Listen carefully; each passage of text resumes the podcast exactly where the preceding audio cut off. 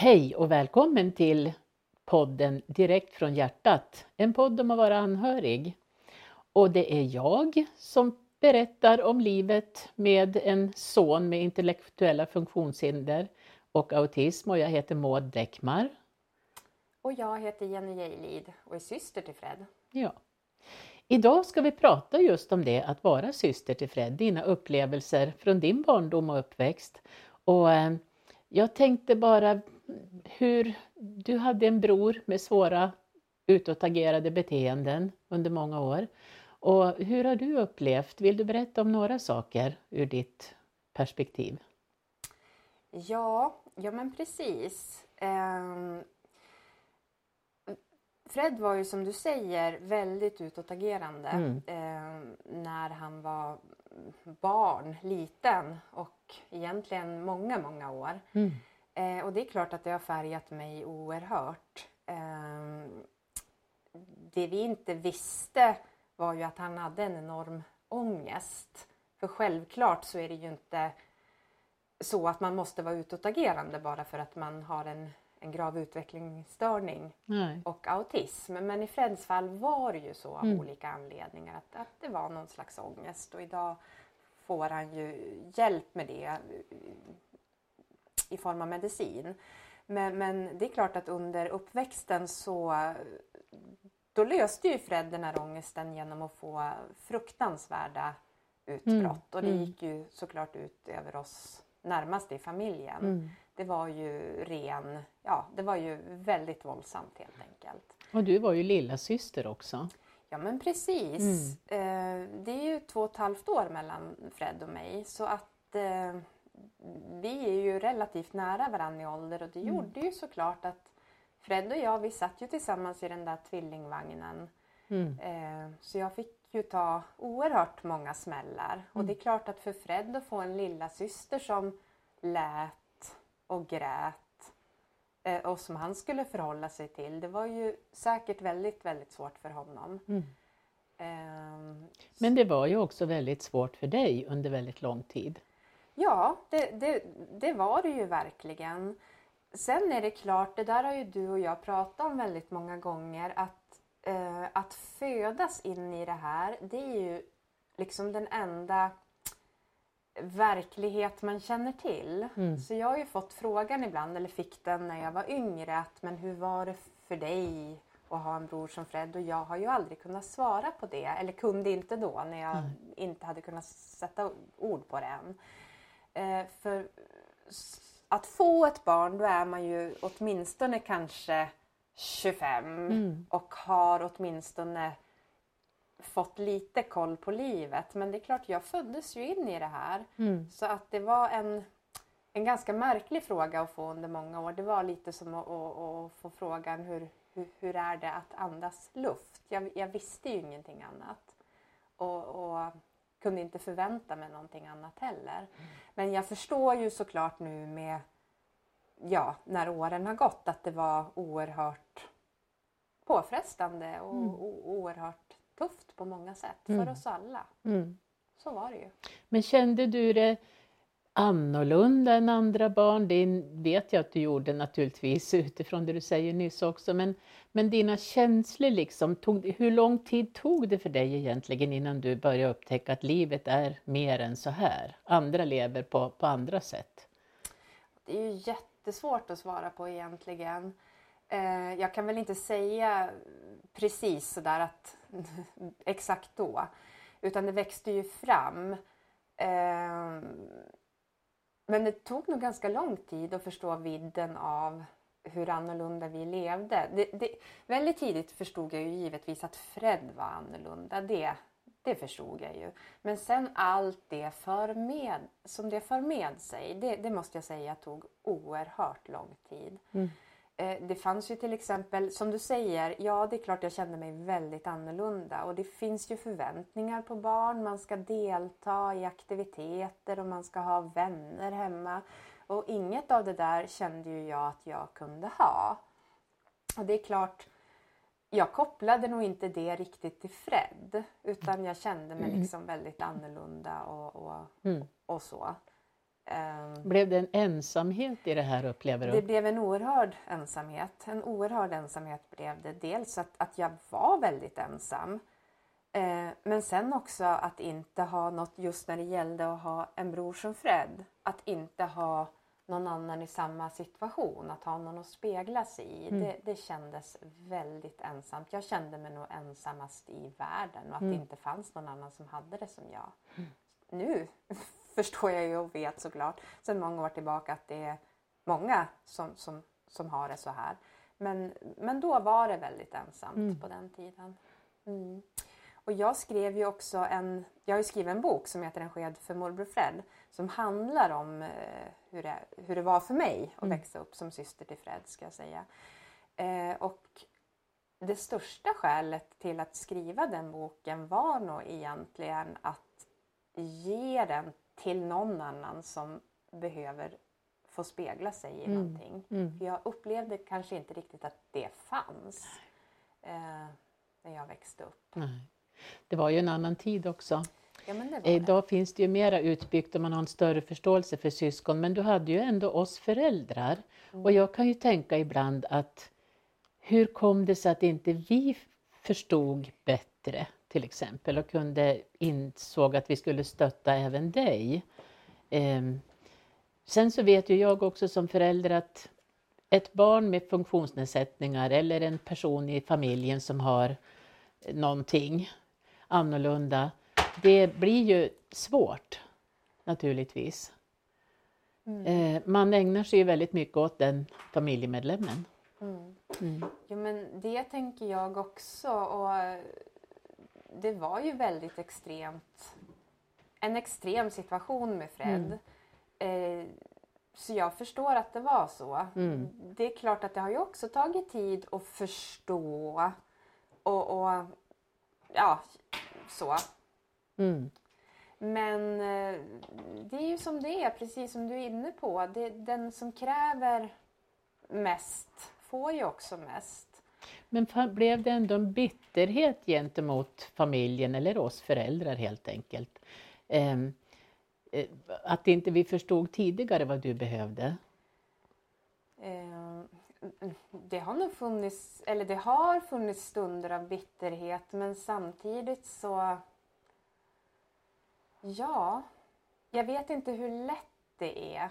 Jag vet inte liksom vad, vad ska man förstå. Det, vi, vi lever ju inte med det eh, facitet Nej. utan det är ju liksom det som kommer Mm. sen. Mm. Så att jag, idag så, så ja.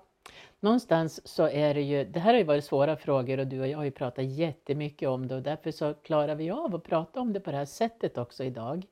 Och eh, det är klart att ibland så kan man ju som förälder anklaga sig själv för att inte ha räckt till och sådana saker. Samtidigt någonstans så får man ju förlåta sig själv för alla tillkortakommanden.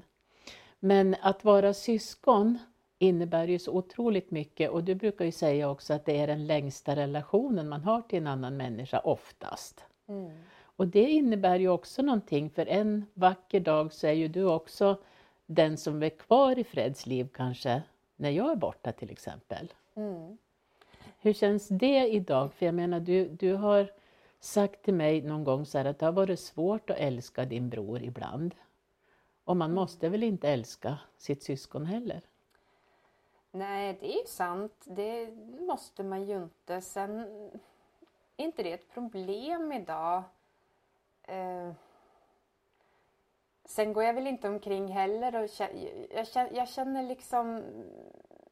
Det det är ju annorlunda tänker jag kanske att ha ett syskon än att vara förälder. Mm. Den här föräldrakärleken att, att att liksom vara syskon upplever jag inte kanske kräver samma krav på kärlek Nej. heller. Det låter jättehårt men jag, jag upplever kanske inte det. Mm. Men jag tycker mycket om min bror och jag känner ingen bitterhet gentemot honom. Han kunde ju såklart inte Nej. styra på något vis sitt beteende utan där handlar det väl om att tiden har fått Mm. ja, Mm.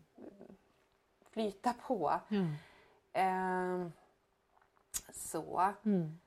Eh, och sen det här med att känna bitterhet gentemot anhöriga. Ja, men jag har ju levt igenom alla de känslorna. Men jag har väl landat i nu, i den här åldern, jag är ju 44 år. Så jag har ju levt ett bra tag nu. Och det är ju någonstans att jag ser det som att jag föddes in i ett krig, en naturkatastrof. Mm. För det var så det var. Det var så det var. Det var så extremt. Absolut. För Fred var så utåtagerande mm. och han välte alla möbler. Och mm. Han sov inte på nätterna och han spelade piano nätterna igenom för att han hade svårt att sova.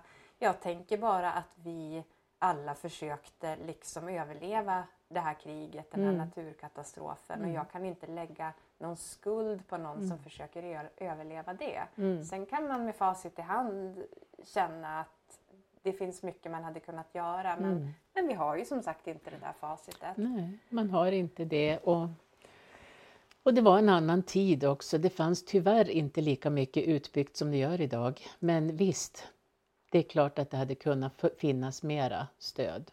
Ja, mm. givetvis. Och det var en oerhört eh, kaotisk tillvaro under många, många, många år som du växte upp i.